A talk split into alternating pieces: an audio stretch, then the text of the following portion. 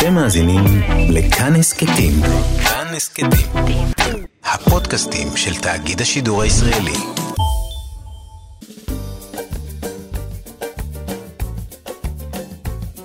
שישים החדש, עם איציק יושע. לחיות בגיל השלישי. שלום ובוקר טוב לכם, מאזיני כאן תרבות. אנחנו במהדורת יום שלישי של שישי מחדש. הבוקר אה, נספר לכם מה כדאי לדעת כאשר אתם אה, הולכים לבחור לעצמכם דיור מוגן, ונספר לכם על אה, ליווי רוחני באמצעות תיאטרון בובות. גם נספר לכם על טכנולוגיות שמוכוונות כולן אל שכבת הגיל השלישי, טכנולוגיות חדשות כמובן. נביא לכם מוצר אחד שיכול להקל את היומיום שלכם, ננסה להבין למה הבדידות עלולה להיות מקדמת הזדקנות מואצת. תהיה לנו גם מוסיקה כמובן, ועוד ככל שנספיק. בצוות התוכנית היום רות דוד אמיר בהפקה. תמיר צוברי, טכנאי השידור, אני איציק יושע.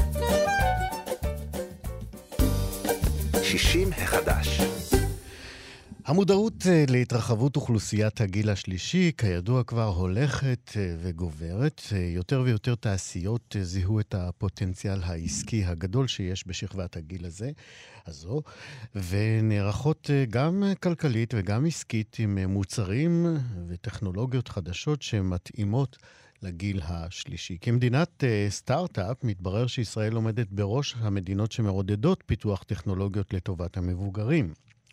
יש שמעריכים במאות, אולי אפילו יותר, עוד מעט אה, אנחנו אה, נדע את זה מהמרואיינת הראשונה שלנו. יש מעריכים במאות את חברות הסטארט-אפ שעוסקות בפיתוח טכנולוגיות לאוכלוסייה המבוגרת.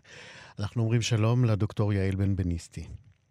שלום. את מנכ"לית קרן מגדלי הים התיכון ונצ'רס. נכון. אמרתי את כל השם נכון. תגידי, למה השקעה בטכנולוגיות לגיל השלישי היא סוג של השקעה מבטיחה קודם כל צריך להבין שאוכלוסיית בני ה-60 ומעלה הולכת להכפיל את עצמה לקראת uh, שנת uh, אה, 2050. נכון, אנחנו משננים את הנתון הזה הלוך נכון. ושנן. וצריך, לה... שיש בעצם שתי נקודות שכדאי שנשים אליהן לב. האוכלוסייה שתצמח הכי הרבה והכי מהר היא אלה של בני ה-80 פלוס. וזה דבר שישפיע על המבנה המשפחתי והחברתי, על כל מערך הצריכה הכלכלית, בצורה ספציפית על צריכת שירותים חברתיים, כלכליים ובריאותיים. הנתון השני שאנחנו חייבים לשים לב אליו, זה שהיחס בין האוכלוסייה היצרנית לאוכלוסייה הצרכנית, בין נותני השירותים לצרכני השירותים, הולך ויורד.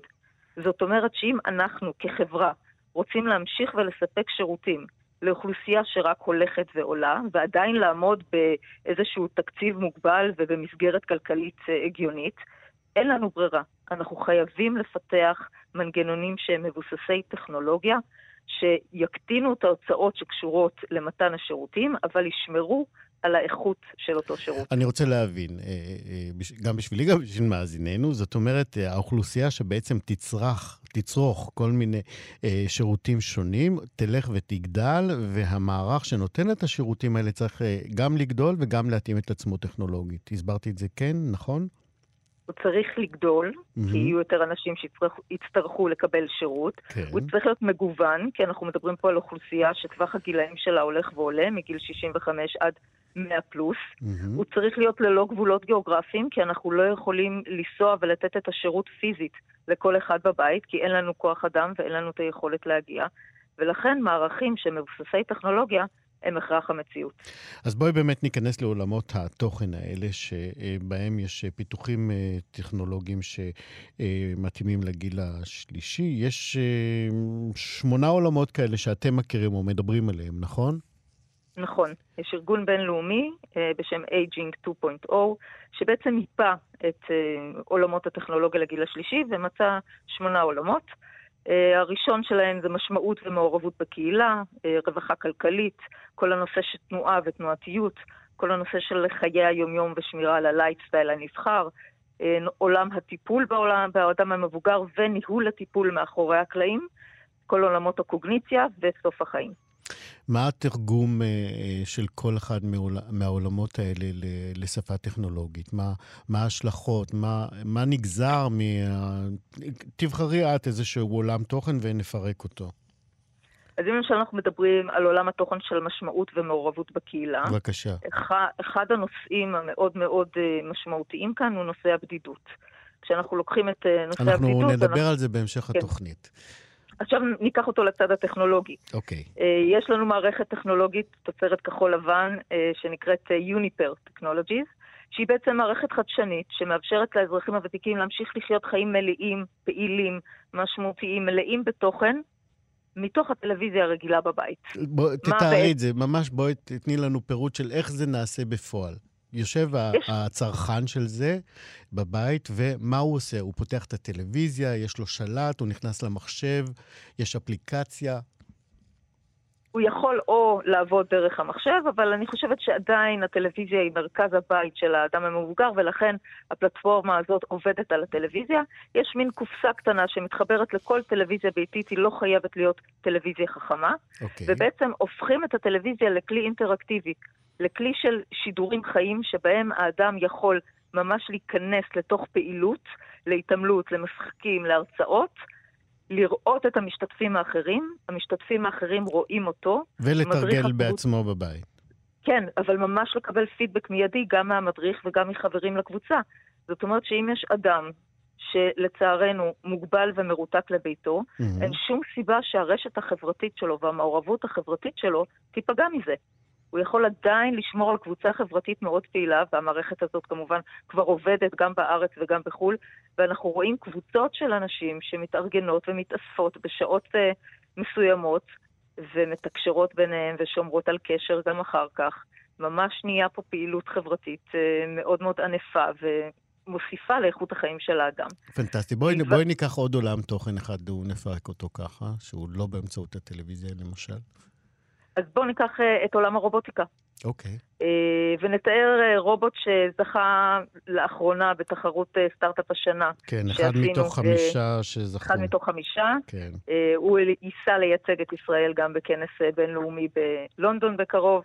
בעצם זה רובוט, מדיטמי, רובוט שהוא גם רובוט חברתי, אבל גם רובוט מטפל. מה הוא עושה, הרובוט הזה? הרובוט הזה הוא בנוי כמובן על מערכת של בינה מלאכותית, הוא נייד בבית, הוא מסתובב, מחובר אליו מסך שמאפשר לאדם לתת הוראות בעזרת אה, מגע או פקודות קוליות. ואז דרך המסך הזה אפשר להפעיל שיחות וידאו. אה, הוא מתחבר בצורה אלחוטית לאביזרים רפואיים כמו מד לחץ דם, משקל, מד דופק, מד סוכר. בעצם הוא עוזר לאדם לשמור על אורח חיים בריא וגם אולי להתמודד עם מחלות כרוניות. יש לו מגש, אז הוא יכול לסחוב את הדברים ברחבי הבית, ולמה זה חשוב? כי אם אדם מסתובב עם הליכון, הוא לא יכול לקחת איתו גם את הצלחת. נכון. ולכן הרובוט הזה יכול לעקוב אחריו. יש לו מוד של עקוב אחריי, אני הולכת עם ההליכון, הרובוט פשוט הולך אחריי ומביא את הדברים איתי. פנטסטי. כמובן, בשעת מצוקה הרובוט הזה יכול להתקשר למוקד חירום. וזה בהוראה אה, קולית שהדייר כן. יכול לתת לרובוט. בהוראות קוליות, כמובן. פנטסטי. זה נשמע מרתק, יש לך עוד אחד? אם אנחנו הולכים יותר לכיוון של uh, חיי היום-יום, כן. אז יש לנו למשל אה, מושב שיודע, מושב שנראה כמו מושב של אה, נהגי מוניות, אבל בעצם הוא מסוגל בעזרת כרית אוויר שמוטענת על בטריות להרים את האדם מישיבה לעמידה בקצב איטי, וגם לעזור לו להתיישב. זאת אומרת שאנחנו לא צריכים יותר לקנות את הכורסאות הגדולות, אנחנו פשוט יכולים לקנות מושב, שהוא גם נייד, דרך אגב, אפשר לקחת אותו אם אנחנו נוסעים mm-hmm. לילדים, לנכדים, והוא יעזור לנו במקום למשוך את האדם אה, מישיבה לעמידה, הוא עושה את זה בצורה עצמאית. שהפיתוחים הבאים כבר יהיו אה, לתוך הרכב, כדי לעזור לאדם לצאת ולהיכנס מתוך הרכב, ולקום ולשכב מהמיטה. ורות שלנו שואלת את השאלה הנכונה, כמה מכל הפיתוחים האלה כבר זמינים? רבים מהם זמינים. הרובוט כבר זמין, הוא מוצר שניתן. ממש, אתם מכירים אנשים שמשתמשים בהם? בוודאי. פנטסטי. המושב הוא זמין, מערכת יוניפר זה מערכת שכבר עובדת בישראל ברשויות מקומיות, דרך משרד הרווחה. תני לנו סדר מקומות. גודל של מחירים, או שזה לא התחום שלך? Uh, למשל הרובוט, הוא עדיין לא נמכר בישראל כי הוא לא מדבר עברית, אבל בקרוב הוא יימכר, אז אם אנחנו מדברים על אירופה, אז אנחנו מדברים על uh, uh, 90 יורו כפול 30 תשלומים, זה כמו ליסינג. מדברים על 2,700 יורו. אם מדברים על המושב, אנחנו מדברים על מושב בסביבות ה-2,000 שקל. Uh, מדברים על uh, מערכת... Uh, של הטלוויזיה, אז יש התקנה חד פעמית ואחר כך זה אה, פחות מ-100 שקלים, אם אני לא טועה, 70 ומשהו שקל לחודש, ושזה נותן לך גם את הפעילויות, גם את האפשרות אה, להתקשר דרך הטלוויזיה בשיחות וידאו, לקבל התראות, אה, תכנים מוקלטים כמובן, כל הזמן יש, חוץ מהשידורים החיים. תזכורות, מה שאני, שרוצים, המסך טלוויזיה מקבל מספר טלפון נייד. זאת אומרת שאני כבן משפחה יכולה לשלוח הודעות למסך הטלוויזיה של סבתא שלי בבית. פנטסטי. יש אה, פיתוחים שהם אה, בקנה ואנחנו אה, מחכים להם בכיליון עיניים? המון פיתוחים בקנה. מה למשל? ממערכות חכמות שהתמודדו עם כל בעיית האלימות, ועד מערכות רובוטיקה יותר מתקדמות בעולמות הסיעוד. אה, כל עולמות הקוגניציה למיניהם, אה, אבחון של מחלת האלצהיימר, המון טכנולוגיות. אני אישית ראיתי מעל 200 אה, חברות סטארט-אפ ישראליות mm-hmm. במשך השנתיים האחרונות, והתעשייה הזאת רק הולכת וצומחת בעולם. אם אנחנו מדברים בכלל על שוק כלכלת הזקנה, mm-hmm. אנחנו מדברים עולמית על 27 טריליון דולר כשמתוכם עשרה אחוז... זה מספרים שאני לא יכול אפילו אה, כן. להגות אותם, אז לא, אני, לא, אני, אני מניח שמה שאמרת זה מאוד גדול. זה מאוד גדול, כן. כשמתוכם עשרה אחוז זה רק טכנולוגיות. כל השאר זה מערכות טיפול ושירותים, אבל עשרה אחוז, שמדובר שלושה טריליון דולר, זה שוק גדול שרק הולך וצומח. וכמובן, אפשר להוסיף לזה המון טכנולוגיות שאנחנו כבר מכירים, של סנסורים שמזהים נפילות, אה, אה, ועוד אה, מכשורים וטכנולוגיות שנועדו לבטיחות בבית. אנחנו יכולים להמשיך ולשוחח שעות, ויש לי הרגשה שאנחנו נעשה את זה בהזדמנות קרובה שוב. ברצון. הדוקטור יעל בן ביניסטי, מנכ"לית קרן מגדלי הים התיכון ונצ'רס, תודה רבה על השיחה הזאת. תודה רבה והמשך יום טוב. תודה להתראות. ביי. 60 החדש. אנחנו עכשיו עם uh, מחקר שהתפרסם uh, לפני ש... כשנתיים, והמחקר הזה מצא כי תחושת בדידות בגיל המבוגר, הזכרנו את זה בשיחה עם הדוקטור יעל בן בניסטי, uh, מצא כי תחושת בדידות בגיל מבוגר מאיצה את תהליכי ההזדקנות. זאת ועוד, ההתפתחות של הרשתות החברתיות והאפשרויות של מגע עם מספר אנשים רב, מפתיע או לא, הן דווקא לא מפיגות את תחושת הבדידות, למרות שיש מגע עם יותר ויותר אנשים, או יש אופציה למגע עם יותר ויותר אנשים. הדוקטור קובי שטיין הוא מרצה בכיר בחוג לפסיכולוגיה במכללה למינהל, במסלול האקדמי, והוא חוקר בתחום הבדידות וגם מי שעומד מאחורי המחקר הזה. שלום, דוקטור שטיין. שלום וברכה. אולי אה, קודם כל אה, נגדיר מהי בדידות בכלל, איך, איך מגדירים בדידות?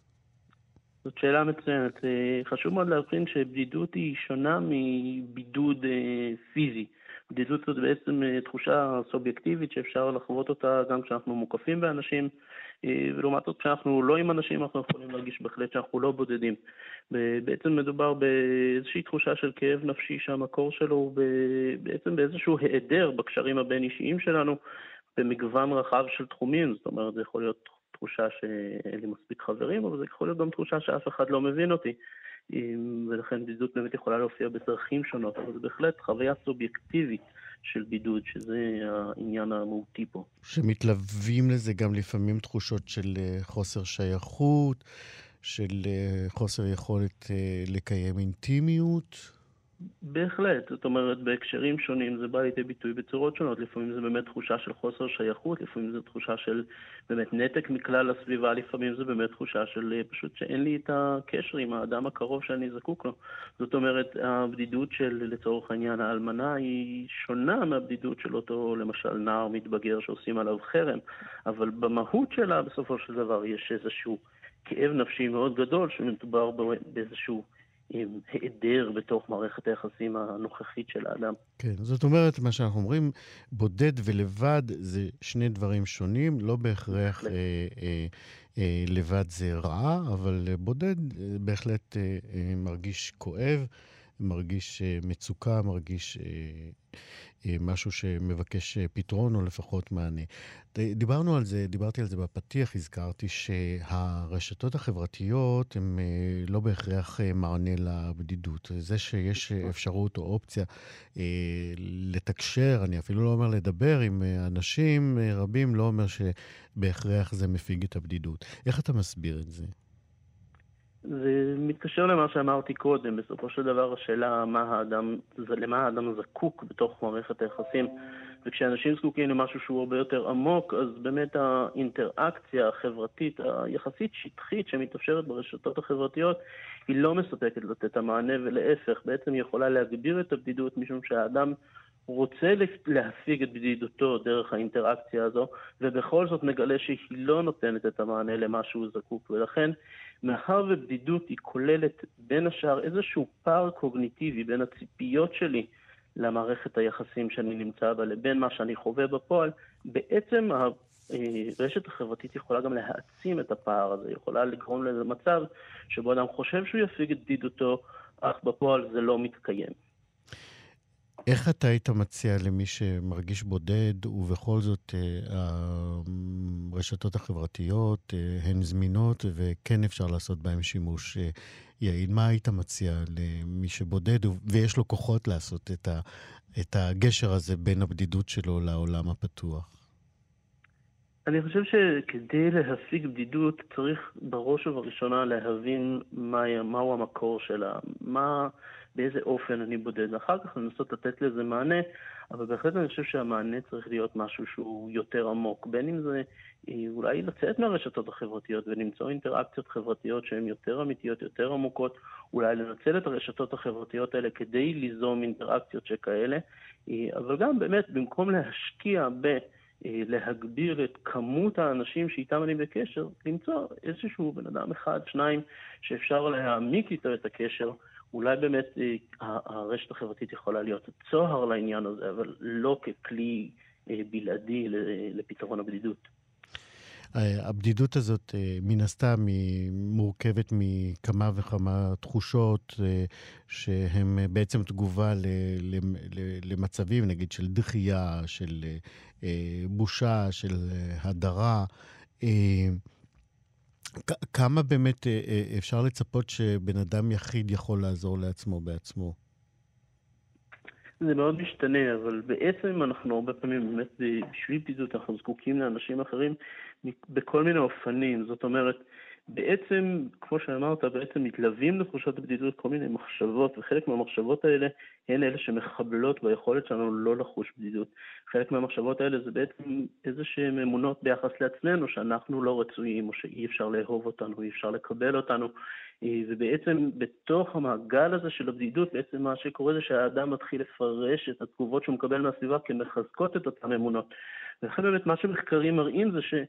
אמנם הגדלת אינטראקציות חברתיות יכולה לעזור להפיג את הבדידות, אבל יותר מזה, לפעמים מה שאנחנו צריכים זה פשוט אה, ללמוד, אולי ביחד, בסיוע של אחרים, אה, פשוט לשנות את הדרך החשיבה שלנו על אופני הנגישות שלנו אל מעגלים חברתיים, איך אנחנו תופסים את הסביבה שלנו, ובעצם איך בעצם לעשות את התהליך הזה של התחברות מחדש בצורה שהיא נכונה לנו. כן, זה בחלקים הרגשיים, או נגיד החברתיים, חברותיים ש, ש, של האדם, אבל יש לבדידות הזאת גם השלכות אה, די קריטיות, ואני חושב שאתה אה, מצביע על זה במחקר שלך, על, אה, על הבריאות, על הבריאות הפיזית, על לחץ הדם, על מערכות החיסון. כמה באמת בדידות היא מחולל של המפגעים האלה של לחץ דם גבוה, של מערכת חיסון פגיעה? תשמע, כיום נעשים באמת המון מחקרים על בדידות ועל היחס שלה לבריאות. אנחנו באמת רואים שבדידות יכולה להגביר תמותה בכל מיני דרכים. ובאמת היא נמצאת כנבאי לתמותה יותר מ... אפילו יותר מעישון, יותר מהשמנת יתר, כל מיני דברים שאנחנו מכירים אותם כדברים שגורמים לתחלואה. בדידות אה, זה בעצם גם חוסר תמיכה, ובעצם המרכיבים החברתיים של החיים שלנו, הם נמצאים כנבאים יחסית גבוהים לאותן מחלות ולאותה, וגם לתמותה מוקדמת, ככה שהסיכון הוא בהחלט סיכון ממשי, עד כדי כך שבינואר של 2018 בבריטניה מינו שרה לענייני בדידות. נכון, כן. שאלה, לא, איפה, איפה אנחנו בישראל אה, מבחינת אה, התייחסות הממשלה או גורמי הרווחה, איפה אנחנו עומדים ביחס אה, הזה אל הבדידות, אל המשמעויות שלה? זאת שאלה טובה, זאת אומרת, אנחנו לא, אנחנו אחת לכמה זמן, אנחנו באמת אה, רואים בתקשורת כתבה פה וכתבה שם על בדידות, הרבה בעיקר אה, סביב באמת שתי נקודות בחיים שאנחנו אה, נחשפים לבדידות בשכיחויות גבוהות, שאחד זה באמת בזקנה. והשני זה בגיל ההתבגרות. גיל ההתבגרות אנחנו רואים באינטראקציות חברתיות בתוך בתי הספר, הקמפיין החדש שיש גם ש... שהנשיא תומך בו, שלא עומדים מהצד, כן, שמענו אתמול. זאת אומרת, גם הדברים האלה בהחלט הם מקומות שיש התייחסות. לגבי אה, מדיניות גורפת, כללית, אה, מאוד משמעותית של משרד הבריאות, עוד לא ראינו משהו בסגנון הזה. למרבה הצער, אתם גם חקרתם, אה, כדי לקבל תוצאות מובהקות, חקרתם אנשים שהיו בבידוד, בבידוד, בשבי, מה מצאתם בעצם שם? אנחנו עשינו מחקרים, אה, באמת אה, מחקרי אורך, עם אנשים שהיו בשבי, אה, נפלו בשבי במלחמת יום כיפור, ובעצם ראינו איך בדקנו לאורך הזמן וגם בעצם בהזדקנותם את המצב הבריאותי שלהם. אחד המחקרים שבאמת התייחסת אליהם בהתחלה היה לגבי מה שנקרא אורך הטלומרים שלהם. טלומרים, רק במילה, זה אותו קצה של הכרומוזום.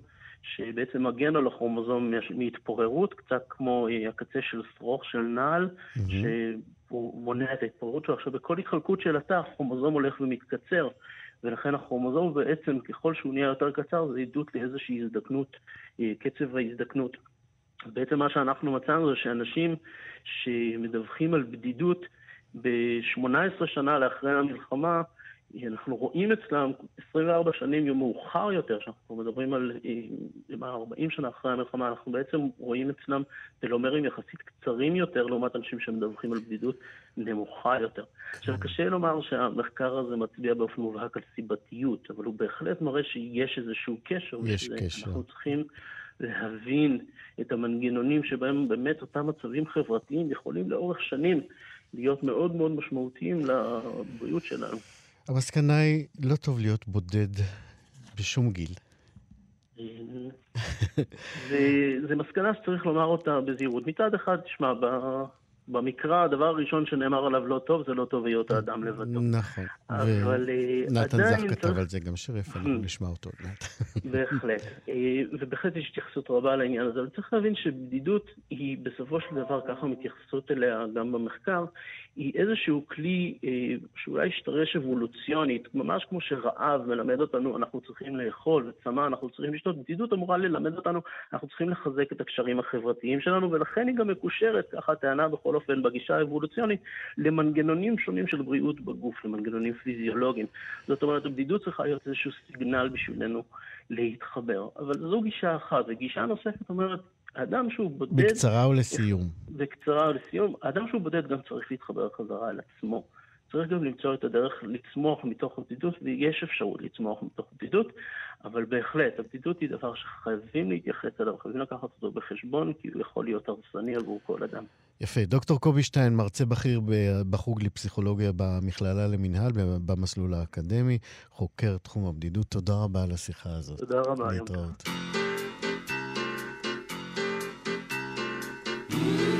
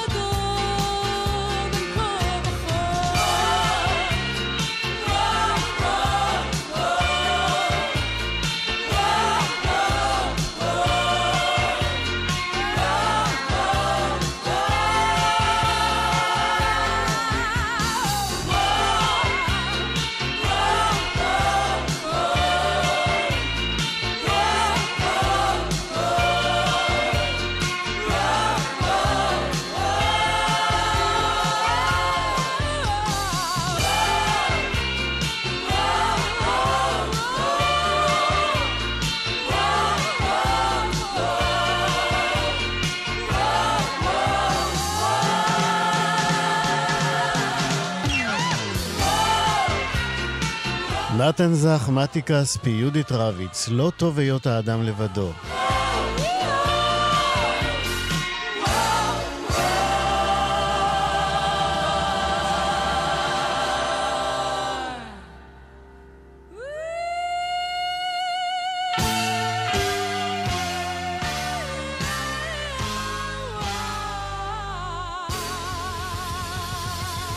לא טוב וגם אה, מזיק לבריאות.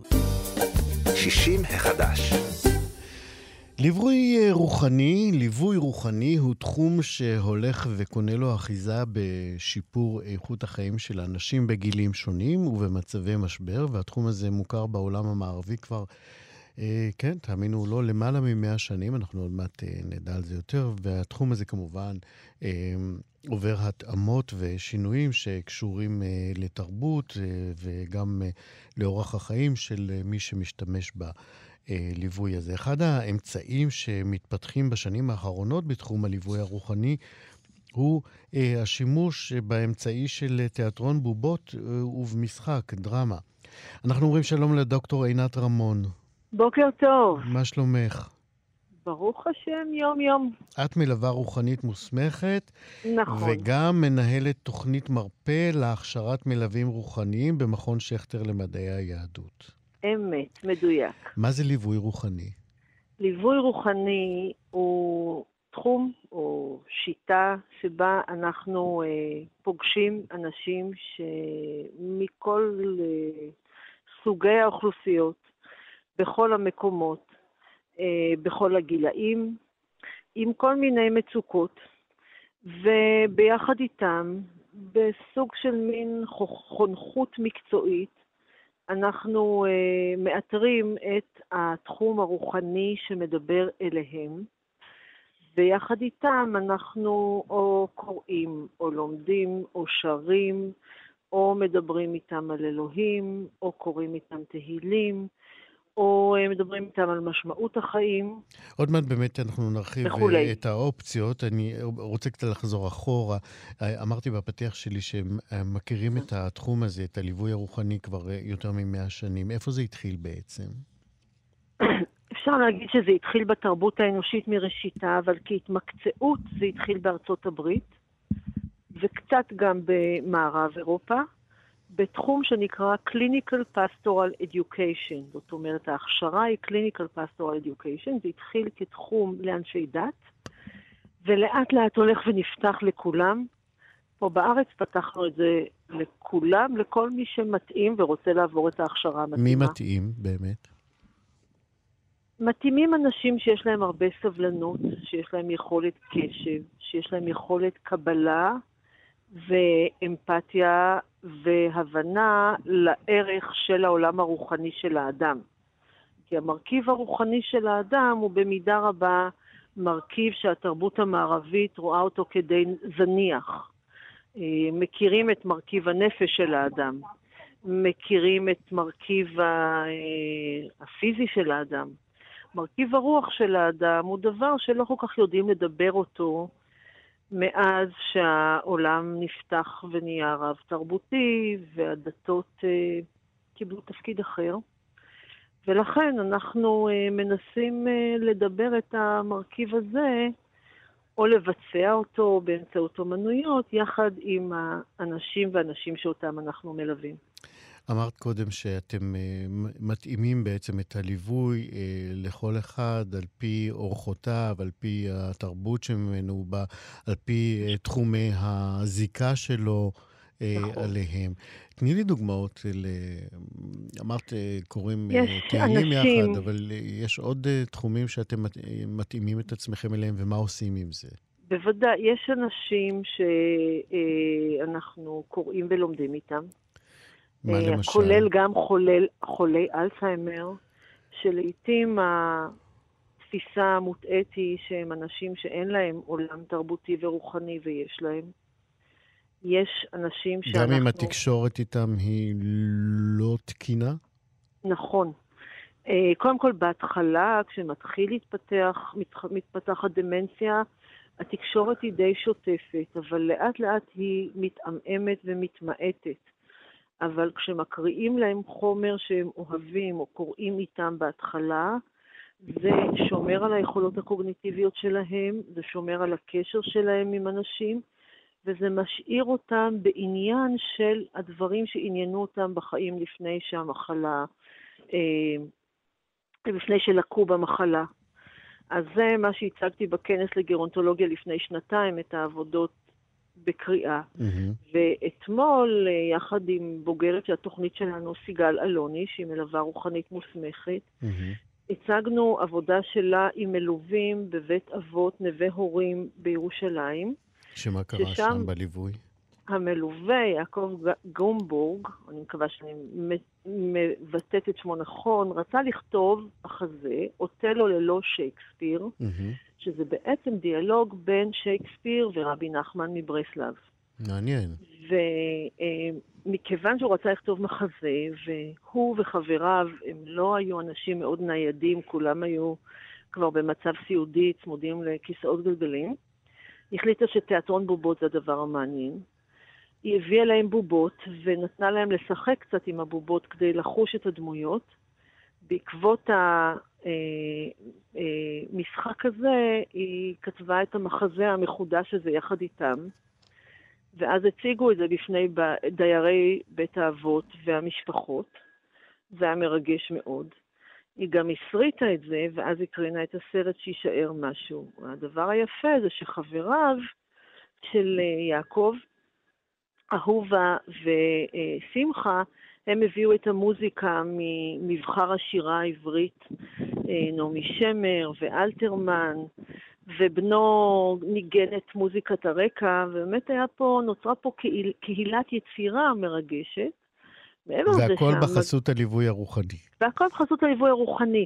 ולמה זה רוחני? כי בעצם זה מאוד מאוד חידד את עולמות הרוח של כל אחד מהם והפגיש ביניהם, ואת המקום שבו כל אחד פוגש את התקווה, את המשמעות, את האמונה, במה שאנשים מאמינים, את תחושת הייעוד בחיים של כל אחד מהם, מה שהם עברו ומה שהם כרגע רואים בתור הייעוד שלהם. יש לכם עוד, אה, יש לך עוד דוגמה לעבודת ליווי כמו זאת שעשיתם כן, בירושלים עם תיאטרון? סיגל באמת, היא, סיגל הייתה רקדנית מקצועית פעם, ובאמת okay. אוקיי. אה, מאוד מומחית לאומניות הבמה, אבל תלמידה אחרת שלנו, בהשראת קורס על אומנות יהודית במכון שכטר, פיתחה עבודה עם תמונות. והיא אה, צילמה רפרודוקציות, למשל, של ה... אומן ראובן רובין. Mm-hmm. והתחילה להביא את זה, ולאומנים אחרים גם, לקשישים בבית האבות, ונתנה להם לבחור תמונה שהם רוצים לדבר עליה. ושוב פעם, מכאן עלו אותם תכנים של התקווה, של המשמעות, של מה מסע החיים של כל אחד מהם נתן, אה, של הזיכרונות שהם מתוקים בעיניהם, של סיפורים שהם רוצים לשמור ולהחיות. היא עשתה עבודה כזאת גם כן באותו בית אבות נווה הורים. אה, בבית אבות עידן הזהב עבדנו הרבה באמת דווקא עם אה, פרשת שבוע, כי שם הייתה אוכלוסייה יותר מסורתית, וגם כן הדגש הוא לא מה אמר פרשן זה וזה, אלא איך דברים שנאמרו משקפים את מסע חייהם, את הייעוד של החיים שלהם, את האמונה שלהם. את האמונה בטוב, את הכרת הטוב, לא מתוך איזה מקום שאני אומרת להם כמלווה, תגידו כך וכך, אלא איפה זה פוגש אתכם, mm-hmm. איפה זה מעודד אתכם, איפה זה משמח אתכם, איפה זה נוגע במצוקות שאתם רוצים שהחברים שלכם ישמעו. שוב פעם, אנחנו מאוד מאוד מאוד נזהרים. Mm-hmm. לא להיכנס לתחום טיפולי שהוא המקום של המטפלים באומנויות, של ה... אה, פסיכולוגים. כן, אני רציתי באמת לשאול ב... כנגזרת כן. של זה, אה, אם אני אשאל אותך, אה, האם לדעתך הליווי הזה מעריך חיים, אני מניח שתגידי שאת משוכנעת בכך. אני לא יודעת, לא אני יודעת. אגיד לך את האמת, כן. שאסור לנו כמלווים רוחניים למדוד את הדברים כך, כי אסור במובן הדיסציפלינרי. לא, אני לא התכוונתי שאת מבטיחה למישהו שחייו יעריכו. תראה, יש אבל... אדם כן. שעבורו היה מפגש עם עולם הרוח, mm-hmm. עניינו לסיים את חייו אה, בטוב ואמירה, אלה הם חיי ואני חייתי אותם כמיטב יכולתי, ואני נפרד מהעולם ומהאנשים שסביבי ושהיו סביבי. כן, ואתם נתקלתם בעמדות מסוימות. כאלה אצל ו- מלווים? גם נפגשנו בזה, mm-hmm. ויש אדם שעניינו בליווי הרוחני זה דווקא להיאבק על החיים, ולכן הליווי הרוחני הוא תחום מאוד לא מדיד. זה מאוד תלוי הפרט שאנחנו מלווים. הרבה פעמים אומרים, תביא סטטיסטיקות. הסטטיסטיקות היחידות שיש לזה זה שביעות רצון של המשפחות. Mm-hmm. וכמובן משפחות שבעות רצון שמוסדות נותנים שירות כזה. כי גם אנחנו מלווים את המשפחות ואת בני המשפחה. אה, אצלנו סביבת העבודה היא מאוד לא סטרילית. כן. אני, אני עוד מעט אגע בבני המשפחה. כן. רציתי אבל לשאול, אה, אה, איך, איך מתקבל, אמרת קודם שהרופאים מכירים ב, ב, ב, בנפש, ב, בכוחה של הנפש, אה, או בהשפעתה על, על הבריאות, איך אה, הם מקבלים את הליווי הרוחני, הרופאים הקונבנציונליים? תראה, זה מאוד תלוי אדם. אין mm-hmm. ספק שיש לנו פה משימה לשכנע אנשים שזה עוד שירות ראוי ורצוי. אבל אני אגיד ש... יש רופאים שכבר הבחינו בכך. Mm-hmm. ונגיד אה, פרופסור עופרן בחיפה, למשל, במחלקה המטולוגית, פעם אמר דברים מאוד ברורים על חשיבות הליווי הרוחני, ובוגרת תוכנית שלנו עובדת במחלקתו.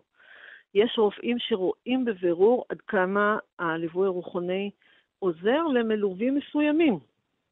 אני לא אגיד שזה מתאים לכל אדם, mm-hmm. אני לא אגיד שכל אדם מעוניין בכך, אבל למי שמעוניין זה לרוב עוזר. אבל מה זה עוזר? יש אנשים שבכל זאת הולכים לעולמם כי זאת דרך החיים, ובין היתר בליווי הרוחני אנחנו למדים לקבל את הפרק הזה של חיינו. איך באמת המלווים... אבל זה לא תמיד קשור בסוף החיים. לפעמים אנחנו נאבקים באמצע החיים, ואז זה עוזר בצורה אחרת. כן. מה הייתה השאלה? ב... איך המלווים מתמודדים עם אה, מוות של אה, מלווה שלהם? אז זה באמת ההכשרה. הרבה מההכשרה, הרבה פעמים בהכשרה שאלו אותי, למה אנחנו כל כך הרבה לומדים על מוות וסיום חיים וסבל במקורות היהודים וכן הלאה. קודם כל, אנחנו הרבה חושבים על זה בעצמנו לאורך שנות ההכשרה. Mm-hmm. שנית, זה תמיד עצוב. שלישית, אנחנו לומדים לעשות הפרדות ולהבין mm-hmm. שהחיים שלנו זה החיים שלנו. והחיים של אדם שמולנו זה החיים של אדם שמולנו. כן. חיים יש להם את הסיפור שלהם, ואנחנו בסך הכל אוהבים את החיים, ואנחנו בצד של החיים של כולם. נכון. אבל לסיום... אנחנו לא ריבונו של עולם. כמובן. אה, בקצרה לסיום, איפה באמת אפשר אה, ללמוד אה, ליווי רוחני? אז קודם כל, מי שמעוניין במסלול אקדמי מוזמן לפנות למכון שכטר למדעי היהדות. Mm-hmm. ויש עוד שלוש תוכניות אה, לא אקדמיות שמכשירות מלווים רוחניים, גם הן טובות מאוד, ואת אה, רישומם ניתן למצוא באתר של העמותה ליווי רוחני.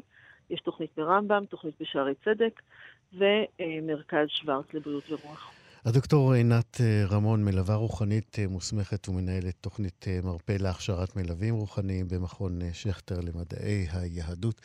תודה רבה וליווי אה, מוצלח. תודה לכם, ותודה לעמותה לגרונטולוגיה שזימנה אותנו. שלום, שלום. ביי. 60 החדש. אנחנו, כמו בכל יום, גם היום אה, נפנה זרקור למוצר שיכול אה, להקל את החיים או לשדרג אותם בדרך זו או אחרת. והיום אנחנו נדבר על מוצרי ראייה ושמיעה שהם משפרי תקשורת. שלום לשרית בוסתן.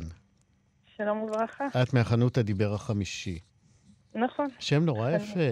הדיבר החמישי, נזכיר למי ששכח, כבד את אביך ואת אמך. נכון. אז אנחנו מכירים את החשש מירידה ובשמיעה, אה, מירידה בשמיעה וגם אה, בראייה. אה, איזה פתרונות בעצם אתם, השוק, שוק העזרים מציע לנו כדי להפחית את חרדת הירידה הזאת בשמיעה ובראייה? אמ, האמת שלצערנו זו לא רק חרדה, באמת אנשים אה, רבים חווים את התופעות האלה עם הגיל. קיימים היום אה, בעיקר, אפשר לחלק את זה לעזרים אופטיים ועזרים אה, אלקטרוניים. ברמת העזרים האופטיים יש לנו מנעד רחב של מגדלות, בעצם זכוכיות מגדלות מכל מיני סוגים. שמגיעות חלקן עם תאורה בכל מיני גדלים ובכל מיני אופנים. והמוצרים השניים זה, זה מוצר שנקרא תמ"ס. תמ"ס ראשי תיבות של טלוויזיה במעגל סגור. זה בעצם איזשהו מכשיר שיכול לבוא כנייח או כנייד. הוא יודע לצלם את האובייקט שאותו אנחנו רוצים להגדיל, ולתת לנו את האפשרות אה, לראות בצורה חדה יותר, ברורה יותר וטובה יותר כמובן. אה, זה... כמה, כמה עולה מכשיר כזה? אה, תמסים מתחילים מאלפי שקלים בודדים, ויכולים להגיע תמסים נייחים גם ל-20,000 שקלים, ומגדלות מתחילות במאות בודדות של שקלים. כמובן שאנחנו מדברים על מוצרים מאוד איכותיים. כן, ומה יש לנו באזורי השמיעה? אה, באזורי השמיעה, מה שקורה, ב... מה שקורה ב... כשאנחנו מדברים על שמיעה, אנחנו לא מדברים כרגע על אה, עזרה מקצועית, על אה, מכשירי שמע בתוך האוזן, שכמובן דורשים אבחון. אנחנו מדברים על מכשירים שהם מגברים למיניהם. שמה שהם עושים בעצם, בעיקר בסביבה ציבורית, יודעים לסנן את קולות הרקע, להשקיט אותם ולחדד קולות שהם אה, קולו של הדובר המרכזי לצורך העניין, ויוצרים שמע שהוא הרבה יותר חד והרבה יותר ברור. וזהו, כאשר אנחנו מדברים באמת על הגיל השלישי ועל סביבה של עבודה ואנשים שהיום ממשיכים לתפקד בצורה שוטפת, גם בגילאים מבוגרים יותר, זה מאוד עוזר להם גם להרגיש שייכות, גם לתת הספק טוב יותר ותחושה אישית אה, בטוחה יותר. יש פיתוחים שאתם אה, מחכים להם, אה, מוצרים חדשים שבדרך להגיע אליכם וכבר יש להם ביקוש? אה, אנחנו כל הזמן מתעדכנים, המוצרים הבסיסיים קיימים, אה, זה אותם מוצרים. Mm-hmm. מה שקורה, הפיתוח הוא תמיד אה, למכשירים הקיימים. למשל, את המסים, המצלמות תמיד משתפרות, והחדות תמיד יש דורות חדשים. שלהם. תמיד יש דורות חדשים, מכשיר קל יותר, מכשיר עם תאורה טובה יותר. הפיתוחים של אותם הפתרונות תמיד קיימים. יפה, פתרונות לירידה בראייה ובשמיעה. שרית בוסתן מהדיבר החמישי, תודה רבה. תודה לך. להתראות. להתראות. 60 החדש. עבור רבים מאיתנו מגיע היום שבו ההחלטה לעזוב את הבית ולעבור אה, לבית אבות או לדיור מוגן, אה, ההחלטה הזאת הולכת ונעשית אה, ממשית אה, ומוגמרת. אה, ומעבר, ואנחנו יודעים שמעבר כזה, אה, מעצם טבעו מעורר אה, צורך גדול מאוד של אה, היערכות, אה, גם רגשית, אה, נפשית, כלכלית ו, וכמובן אה, אה, לוגיסטית. חיה רמתי היא יועצת ומלווה של משפחות באיתור של בתי אבות שמתאימים אה, ליקיריהם. שלום חיה. שלום וברכה. אז מתי מתחילים בעצם לחפש בית אבות? מתי בכלל זה עולה על הפרק? עולה על הפרק כאשר אדם נשאר בודד. כאשר אדם נמצא, נמצא בביתו, אה, איבד את אה, בן זוגו, איבד את החברים שלו, הוא מתקשה אה, ביציאה מהבית, הוא מתקשה בתפקוד, ואז אה, מגיעה ההחלטה אה, לעשות את השינוי. הרבה פעמים זה מגיע מהקשיש עצמו, מהאדם עצמו, שרואה שחבריו עזבו, ואולי טוב יהיה יותר אם הוא יעבור למסגרת שבה הוא ימצא חברים חדשים. והרבה פעמים זה בא מבני המשפחה, שהם חושבים שטוב יהיה יותר לאדם שלא יישאר בבדידותו. בני המשפחה לא כל כך אה, מגיעים בתדירות גבוהה, והאדם נמצא בביתו לבדו, אז אה, באה ההחלטה לעשות את השינוי הזה. מה בעצם צריך אה, לחפש, או מה הקריטריונים שאת ממליצה עליהם אה, למשפחות, לדיירים שעוברים בעצמם, כאשר הם באים אה, לחפש אה, אה, בית אבות? אוקיי, okay, אז אם האנשים הם אנשים יותר צעירים, בני אה, 70, 75, 78, והמצב הבריאותי שלהם תקין, והם יכולים להמשיך להתנהל באורח חיים עצמאי.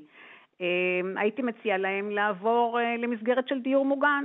מסגרת של דיור מוגן זה מה שנקרא שיפור איכות חיים. זה המוטו של אה, מעבר לדיור מוגן. שם החיים פשוט נעשים אה, נעימים וטובים, כי מוצאים חברים חדשים, אה, מוצאים אה, אה, אפשרויות של בילוי, אה, פעילות ותעסוקה, והיום מתמלא אה, בתוכן רב. ואז החיים גם נראים אחרת, הבדידות היא פחות קשה, ומאחר ויש לנו חברים חדשים ואנשים שדואגים לנו ו- ושומרים עלינו, אז אה, נעים וטוב. אז הייתי מציעה לעבור לדיור מוגן. כמובן שכל אחד לפי היכולת הכספית שלו, לפי אזור המגורים שלו, מי הוא ומה הוא עשה בחייו, לפי זה אני יודעת אה, להדריך אותם לאן היה כדאי ללכת. מהם השאלות הנפוצות אה, ששואלים גם דיירים וגם בני משפחה, ששואלים אותך ש... כמומחית בליווי לחיפוש הזה? אז ברור שהדבר הראשון הוא הנושא הכספי. אה, ותמיד מחפשים גם את זה כנגישות אה, לילדים, ואולי לא רוצים לעזור את אזור המגורים, אולי mm-hmm. בכל אופן להישאר בקשר עם הקהילה. אז הנושא הכספי הוא הנושא הראשון. ואחר כך התכנים והבית, ומיהו הבית, ו- ומה הבית, אה, הדיור המוגן מסוגל לתת, איזה שירותים ניתנו שם, מה התכנים שניתנים שם. ולפי זה האדם אה, מנסה להתחבר לאותה מסגרת ולהרגיש איפה הוא מרגיש הכי טוב, איפה הוא מרגיש הכי נעים, ובהתאם לכך אה, הם משתדלים להגיע לאותו מקום ולמצוא את עצמם שם. יש מקומות שאת לא ממליצה עליהם? אה, יש מקומות שאולי היינו מוותרים עליהם. אנחנו לא מדברים כל כך במסגרת של הדיור המוגן, אולי במקומות אחרים, שכשאנחנו מדברים על מקרים אחרים של סיעודיים או אנשים שהם דמנטיים, אז אה, אולי היו מקומות שהיינו מוותרים עליהם, אבל בסך הכל אה, היום הפיקוח הוא גדול מאוד, ההשגחה היא גדולה מאוד על כל מה שנעשה במסגרות, ואני מכירה מקרוב את הצוותים ואת המנהלים, אז אה, אני יודעת שברוב המקרים אנשים עושים את המאמץ הגדול מאוד לתת את השירות הטוב ביותר. ואם יש בית שהוא לא עומד בקריטריונים, אז אנחנו פשוט נמנעים מלהגיע אליהם. מדלגים עליו. מדלגים עליהם. אם uh, היו, אנחנו מתקרבים לסיום, סיום השיחה הזאת, אם uh, uh, היו שואלים אותך uh, דבר אחד שהוא הכי חשוב uh, מכל הדברים שמנית, מה העיצם הראשון, כאשר אנחנו באים uh, לאתר את הדיור המוגן המתאים? אני הייתי מסתכלת כמובן דבר ראשון על הנושא של הנראות, ומי הקהל שגר שם. מי הקהל שגר שם, אם אני מתחברת לקהל הזה, אם טוב לי, אם אני חשה נעים וטוב בתוך הבית עצמו, אה, ואני באמת חוזרת ועושה את המבחנים האלה בכל פעם שאני מבקרת בבית אחר. אני מנסה לבודד את העניין ולראות איך אני מרגישה פה, האם טוב ונעים לי, האם אני מתחברת לבית, אני מתחברת לצוות, או שפחות מתחברת, ואז אני הולכת ומסתכלת ובודקת בבית אחר. יפה. חיה רמתי, יועצת ומלווה משפחות באיתור בתי אבות אה, מתאימים. תודה רבה על השיחה. תודה רבה לכם. להתראות.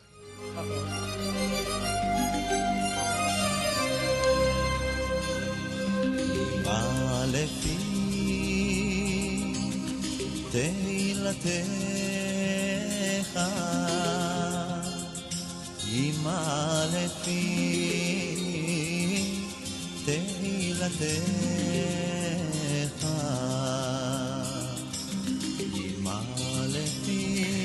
עם הצלילים האלה של אביהו מדינה ושימי תבורי, אנחנו מסיימים עוד תוכנית של 60 אה, מחדש. תודה רבה לרות דוד אמיר בהפקה, תודה רבה לתמיר צוברי, טכנאי השידור. אנחנו נחזור אליכם ביום ראשון הקרוב עם עוד תוכנית של 60 מחדש. אני איציק יושע, מאחל לכם כל טוב.